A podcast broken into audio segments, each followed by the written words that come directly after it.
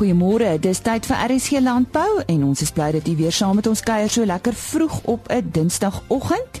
Vandag se program word aangebied met die komplemente van Old Mutual. Doen die ongelooflike.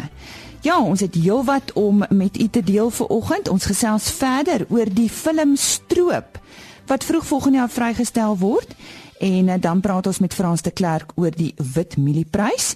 Ons praat ook oor die suiwelbedryf en vooruitsigte en ons sluit af met 'n gesprek oor 'n handelskou vir die varsvrugte en groentebedryf in Suid-Afrika wat op 16 en 17 Augustus in Kaapstad gehou word.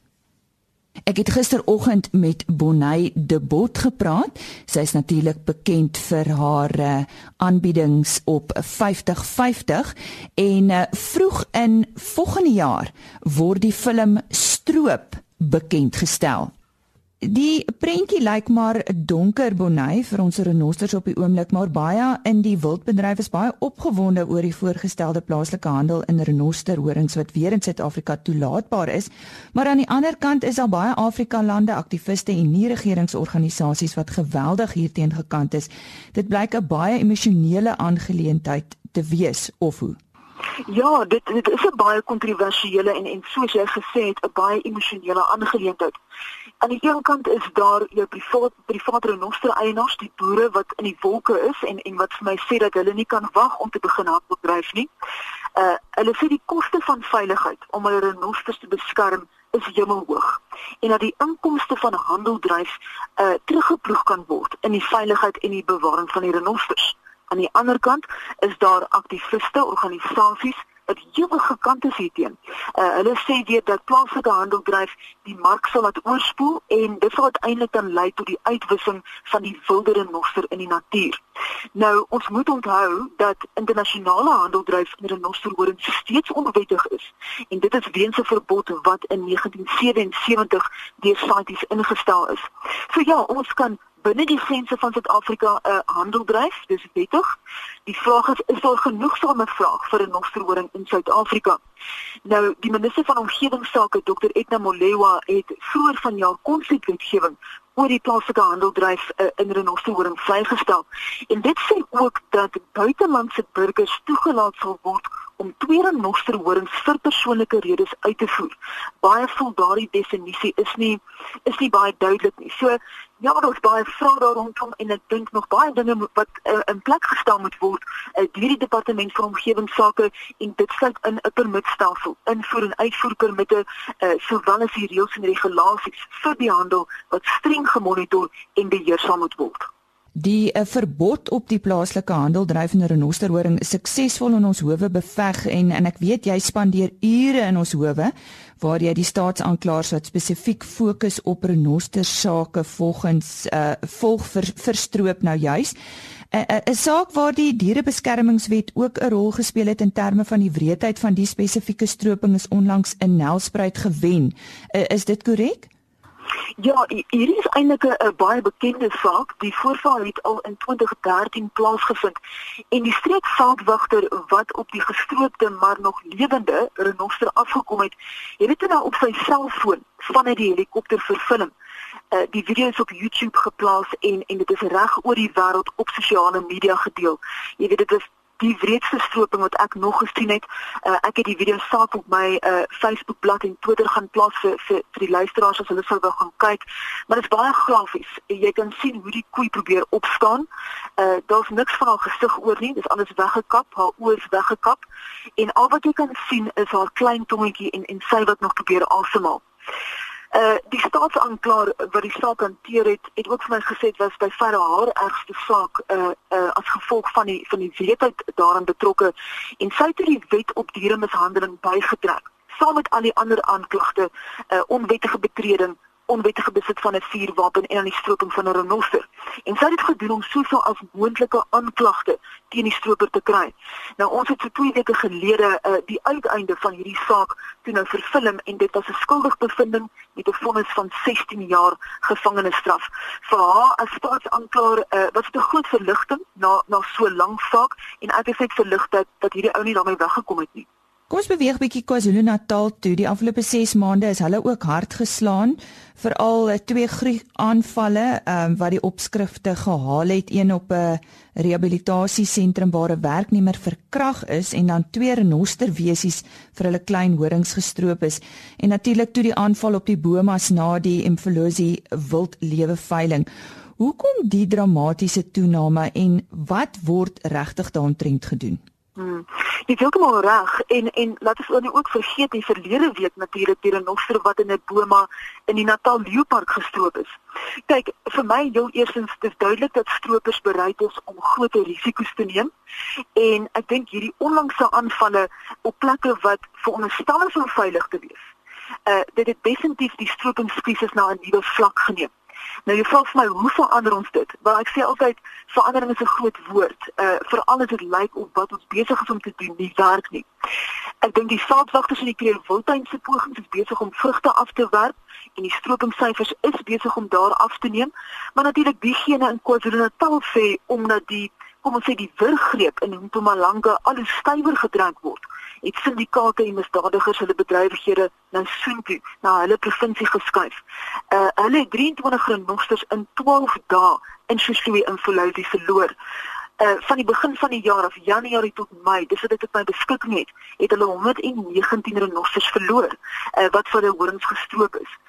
So jy maak vordering op een plek en en dit bring gas op 'n ander plek. Renosterstropery uh, is soos enige ander uh, misdaad, dit is 'n diep gesetelde en en 'n voortdurende veranderende misdaad wat natuurlik voordeel trek uit geheime strukture wat ons in plek stel. En en dit is hoe ons dit moet benader. Jy weet hierdie is hoogs gesofistikeerde en georganiseerde misdaad en dit is hierdie syndikaate uh, die die vlak 4 en die vlak 5 ouens by wie ons moet uitkom. En nie net die ouetjies die stroopers op die grond nie.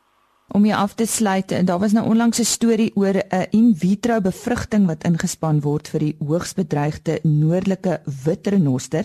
Nou ek dink daar's net 3 in die wêreld oor. Dit lyk of die wetenskap wen. Vertel ons bietjie meer daarvan, uh, Bonnie.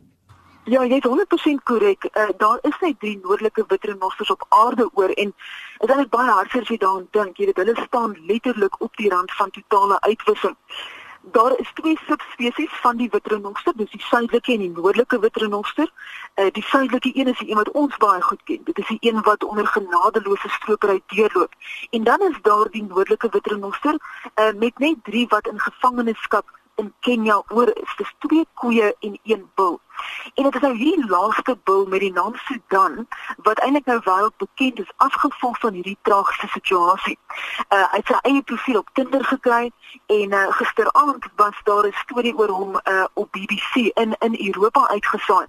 En die rede hiervoor is dat hierdie 43-jarige renoster tot dusver onsuksesvol was om met die twee koeie te paar.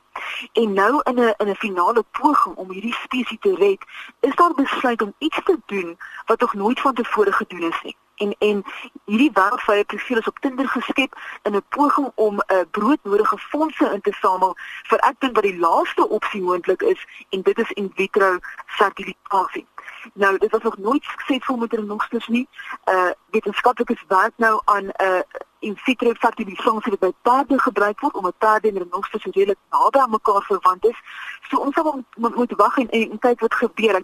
En dit was dan Bonnie de Bot wat met ons gesels het oor die film Stroop waaraan haar tans gewerk word en hierdie film sal vroeg volgende jaar vrygestel word. En nou gesels Frans de Klerk, die onafhanklike tegniese analis oor die Witmielie-prys. Môre net laas toe ons gesels het toe het um, ek nog gesê die Julie Witmielie-prys is so laag dat ek dink hy kan vreeslik maklik kop optel. Nou daardie kontrak het nou al amper verstryk en ons kyk nou vanoggend na die Desember wit met die prys, maar net om 'n idee te gee, as 'n mens die tegniese analise gebruik en dit toepas en 'n bietjie werk daarop doen, dan kan dit jou baie goed baat. Ek kan onthou uh laasweek gesels het het 'n hele klomp boere my gekontak en gesê luister man, ek wil sommer uit moedeloosheid my goed verkoop en ek het gesê man as jy net kan hou bo daai vlak en daai vlak het toe baie mooi gehou. Nou die prys op die Desember kontrak as ons nou na kyk na hom het letterlik gestyg van omtrent van 1780 al die pad tot nou gister het hy amper 2100 rand gebreek En um, vanmôre sien ons nou dat hy tog 'n bietjie terugtrek. Nou die rede hoekom is is nou weer terug as jy die tegniese grafieke bietjie dophou. Die prys het so hard gehardloop dat my indikators so bietjie hoog is wat eintlik sê hy moet so bietjie asem skep, maar nou wil ek vir boere sê onthou altyd die prys van 'n instrument het altyd die vreeslike snaakse amper kan jy sê karaktereienskap. Wanneer hy begin val, dan kan jy later nie glo hoe ver kan hy val nie. Maar wanneer die ding nou begin omdraai, dan kan jy ook weer nie glo hoe ver hy kan styg nie. Nou, dit is hoekom ek vanmôre vir boere sê hierdie prys kan dalk terugtrek en ek het 'n vlak hier 'n steenvlak van by 1962. Terwyl die wit mielie Desember prys bo 1962 is, sê dit vir jou dat die momentum eintlik na bo is. Nou die rede hoekom ek dit sê, daar is 'n dalende wig Nou 'n dalende wig is gewoonlik 'n positiewe formasie wat vir jou sê dat hy kan verder beweeg en daardie dalende wig is al reeds aan die gang en as hy sy teiken bereik, dan gaan hy die wit mielieprys na R2290. En so so ek wil vir boere sê moenie sommer net uit nood uit weer verkoop en sê ek moet nou begin ophou nie. Ehm um, ek 'n ander ding wat vir my baie duidelik uitstaan is ek dink ons sien 'n bietjie dat daar ehm um, amper plantweerstand gaan wees wanneer die nuwe oes kom. Die klimaat is nie baie lekker in Amerika nie. En die ander groot ding wat hier by ons is, die rand kan ons dalk net verbaas en 'n bietjie verder verswak. So hou by daai vlakke. So moenie uit moed uit verkoop nie of uit moed verloor vlakte verkoop nie. Die prys kan ons dalk net almal verbaas om nog verder na bo te gaan.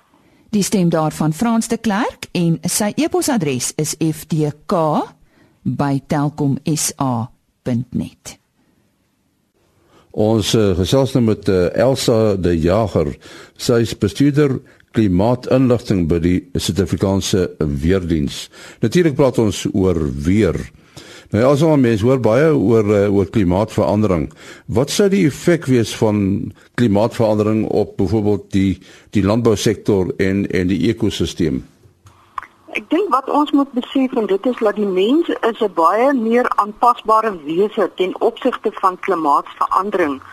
Maar wanneer dit dan kom by landbou en die ekosisteem waar dit die plante en die diere is, dan neem dit vir hulle baie langer om aan te pas by warmer toestande waar jy dan nou baie hoër gemiddelde temperature het.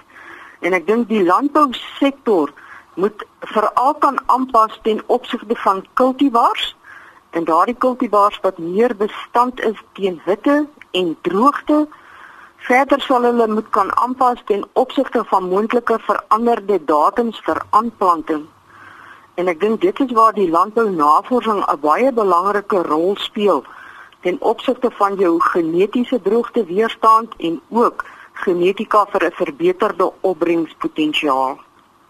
Hey, as as mens nou kyk na julle inligting, Is daar 'n patroon uh, wat 'n mens kan gebruik om te voorspel wat die klimaat oor ja, sê oor die volgende halfuur gaan doen? Ja, as 'n mens so ver vooruit kyk, dan dan moet 'n mens gaan kyk na veral klimaatmodelle wat dan nou baie ver vooruit kan voorspel wat gaan gebeur. En die Suid-Afrikaanse Weerdiens het in Maart maand 'n verwysingsatlas vir klimaatsverandering bekend gestel. Nou hierdie atlas is op ons webtuiste beskikbaar, so dit is vir almal beskikbaar. En wat die atlas eintlik ten doel het, en dit is om 'n 'n basis te gee vir klimaat, nie net op nasionale skaal nie, maar op 'n kleiner lokale skaal ook. Veral ten opsigte van die impakte weens klimaatsveranderings, hoe om dan aan te pas daarbey, maar ook om beter te kan beplan. Nou die die toekomsprojeksies wat beskikbaar is in hierdie atlas is veral vir reënval en vir oppervlaktemperature. En die projeksies word oor 32 jaar periodes aangebied. Die eerste een is die sogenaamde nabye toekoms van omtrent 2036 tot by 2065 en die tweede periode wat die verre toekoms is 2066 tot by 2095. Nou as 'n mens dink in terme van die toekoms, geprojekteerde veranderings, dan moet daar iets wees relatief waarteen meet dit en dit word gemeet relatief tot die historiese 30 jaar periode 1976 tot by 2005. Ons hoor baie van die El Nino en die La Nina. Wat is die verskil tussen die twee? Die El Nino is 'n verskynsel veral waar waar beide van hulle gaan oor die oppervlaktemperature in die oseane. En wanneer daai oppervlaktemperature baie hoër is as wat 'n mens normaalweg verwag, dan word dit die El Nino genoem. Terwyl die teenoorgestelde wanneer jy laer see oppervlaktemperature het, dan is dit La Nina. En as 'n mens moet gaan kyk wat is die invloed van El Nino op weerstelsels dan veral in Suid-Afrika as daar 'n El Nino is, dan is dit bekend dat Suid-Afrika dan baie droër as normale toestande in die somerreënvalgebied ervaar. Maar met die La Nina, dan weet ons in die somer gaan ons baie meer reënval kry. So dit is die basiese verskil tussen die twee. Ja, baie dankie Elsa de Jager, sy is bestuurder van klimaatinligting by die Suid-Afrikaanse Weerdienste. Die Suid-Afrikaanse suiwelmark is internasionaal kompeterend en ten spyte van vele uitdagings produseer melkbore steeds volhoubaar genoeg dat die mark bestendig groei. Ek gesels nou met die hoofekonoom van die melkprodusente organisasie Dr Koos Kutse oor die suiwelmark en vooruitsigte van die bedryf. Dr Koos, hoe lyk die toestande vir melkbore op hierdie stadium? Dis dankie. Ek dink dit belangrik is dat in die in die Hoëveld area is dit 'n normale winter. In die suid en in die Weskaap en in die Ooskaap sit ons nog met die gevolge van die droogte. Dit lyk ook nog nie of die droogte regtig opgelos is nie. So klimaatsgewys redelik in die binneland, maar uh, definitief krisisse nog in sekere van die kusstreke.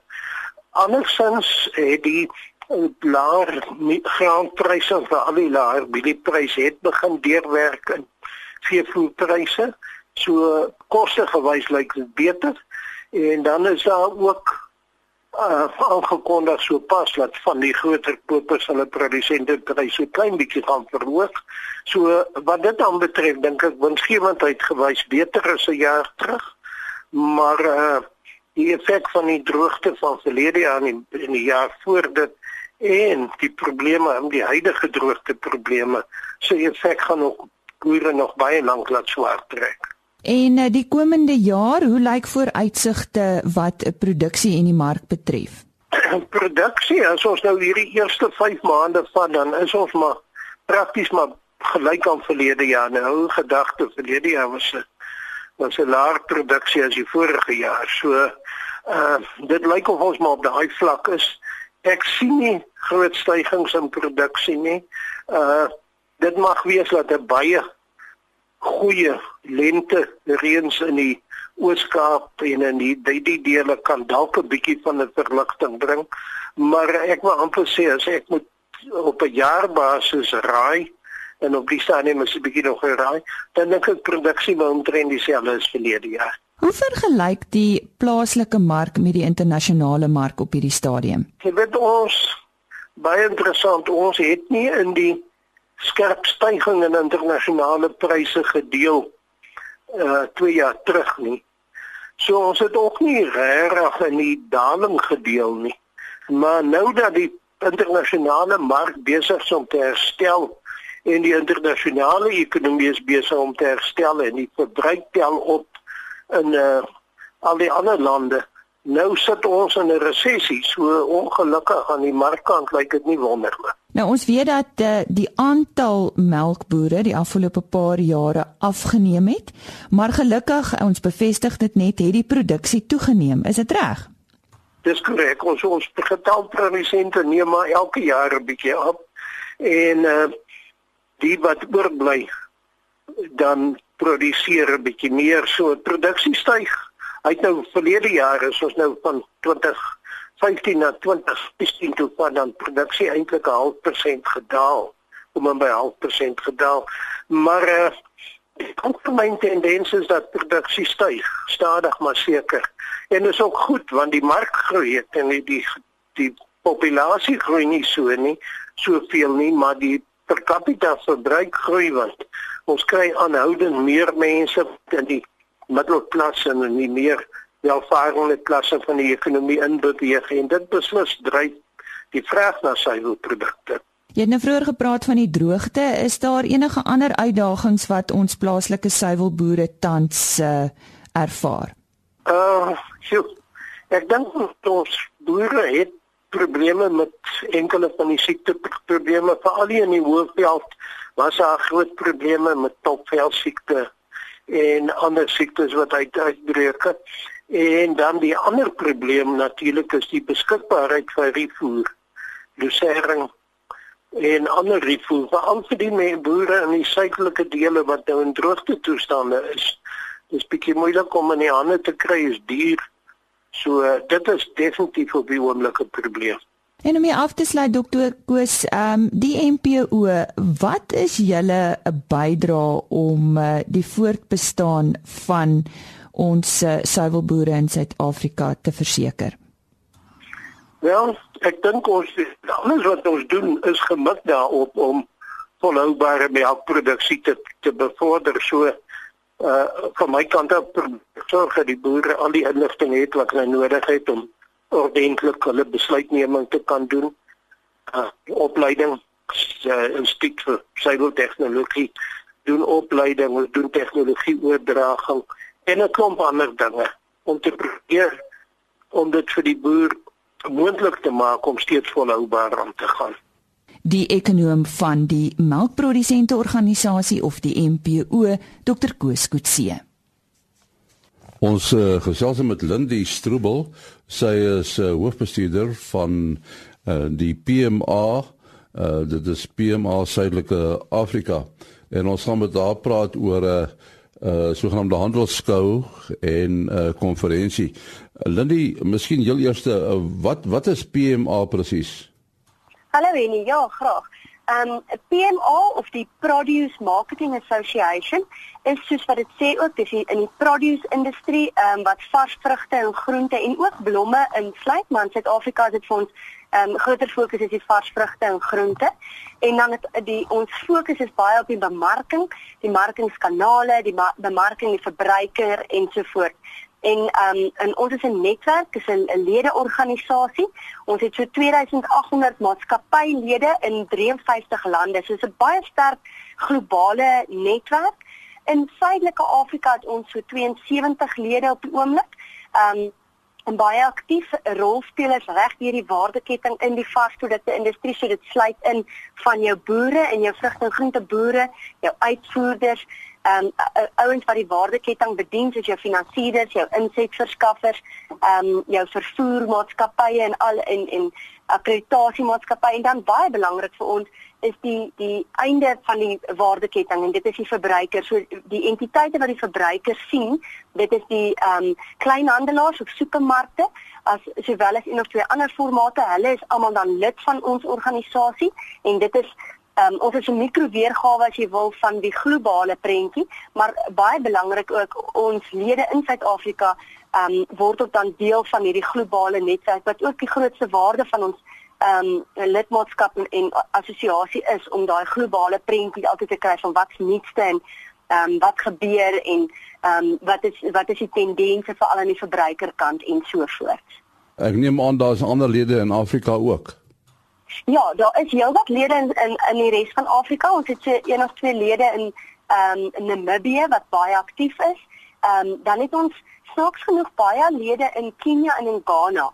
Ehm um, soos redelik redelik meer noord in suidelike Afrika is die grootste deel van ons lede is eintlik maar Suid-Afrikaanse organisasies soos byvoorbeeld jou supermarkte en van ons uitvoerders en so en finansierders en sektorverskaffers wat aktief is in die en jy kan amper sê die hele SADC omgewing. Ehm um, maar dan het ons 'n paar uh groeiers of produsente in Swaziland wat ook lid is en dan ehm um, ons netwerk is dis juist ons fokus om hierdie netwerk te versterk vir organisasies wat ook in Suidelike Afrika is wat wil betrokke raak ehm um, buite net Suid-Afrikaanse organisasies wat in Suidelike Afrika is.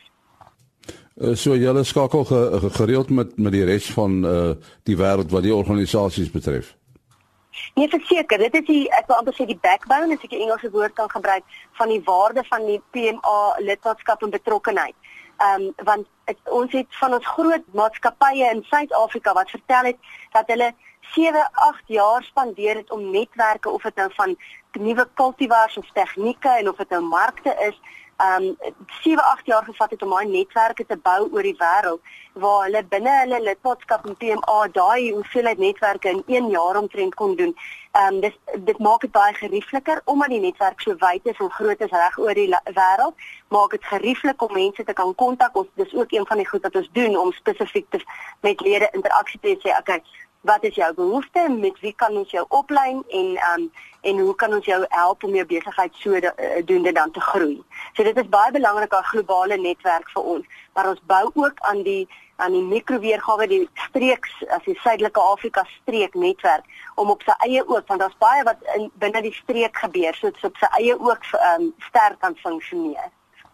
Ja, so 'n paar LinkedIn nê van uh, varsprodukte rolspelers.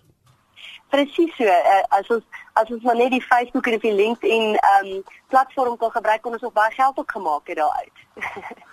Vertel ons nou van hierdie hierdie konferensie en die handelskou. Ja, een keer 'n jaar het ons die groot Fresh Summit konferensie wat in Amerika aangebied word en dan het ons tussenin in die jaar het ons streeks ehm um, konferensies wat ons noem die Fresh Connections konferensie en die een waarvan ons nou van praat is die PMA Fresh Connections Conference and Trade Show spesifiek vir Suidelike Afrika. Ons bied hom aan in um in Kaapstad by die die CTICC, die Cape Town Convention Center en dit gaan die 16 en die 17de Augustus wees. Um waar die belangrikste fokus daar is om soos ek nou verduidelik het van die plaaslike netwerk om 'n 'n 'n platform te skep waar die plaaslike netwerk bymekaar kan kom waar hulle kan leer van wat is die nuutste en wat is besig om te gebeur in terme van tendense en wat ehm um, waar ons wat se innovering sien. Maar dan is dit ook 'n belangrike platform en dis waar die trade show of of uitstalling dan inkom ehm um, of handelskou eerder uh, inkom waar ons ehm um, die geleentheid kry om daarso besigheid te doen. So dis nie net 'n uitstalling van dit wat ek doen en dit wat jy doen nie, maar dis ook 'n punt van om besigheid doen met baie ehm um, besigheidsfasilitering en so voort vir die industrie om bymekaar te kom. Hoeveel uh, bywoners verwag jy? Ons verwag so om en by 600. Ons het die um, afgelope 2 jaar het ons in, in 2015 en in 2016 het ons oor die 500 gekry. En ons het so 'n bietjie die formaat van die konferensie verander. En um ek wil amper sê rise the bar soos hulle in Engels sê net um nog beter kwaliteit sprekers in te bring en dan die die um besigheidsfasilitering en met 'n paar spesifieke um workshops wat ons ook aanbied. So met die formaat dink ek gaan ons meer mense trek en ons eh, ek verwag ons gaan hier 550 600 mense trek hierdie jaar. En net weer die datum wanneer dit plaasvind? Ja, dit is die die konferensie is die 16de Augustus en die en die handelskou is die 17de Augustus. Baie dankie, Lindy Strubel, algemene bestuurder van PMA Suidelike Afrika. Fluit fluit ons storie is uit vir vandag. Ons gesels natuurlik weer môreoggend met u, selfde tyd, selfde plek tussen 100 en 104 FM, RSG Landbou. En vandag se program is aangebied met die komplimente van Old Mutual. Doen die ongelooflike. Totsiens. RSG Landbou is 'n produksie van Blast Publishing. Produksieregisseur Henny Maas. Aanbieding Lisa Roberts en 'n notas koördineerder Jolande Root.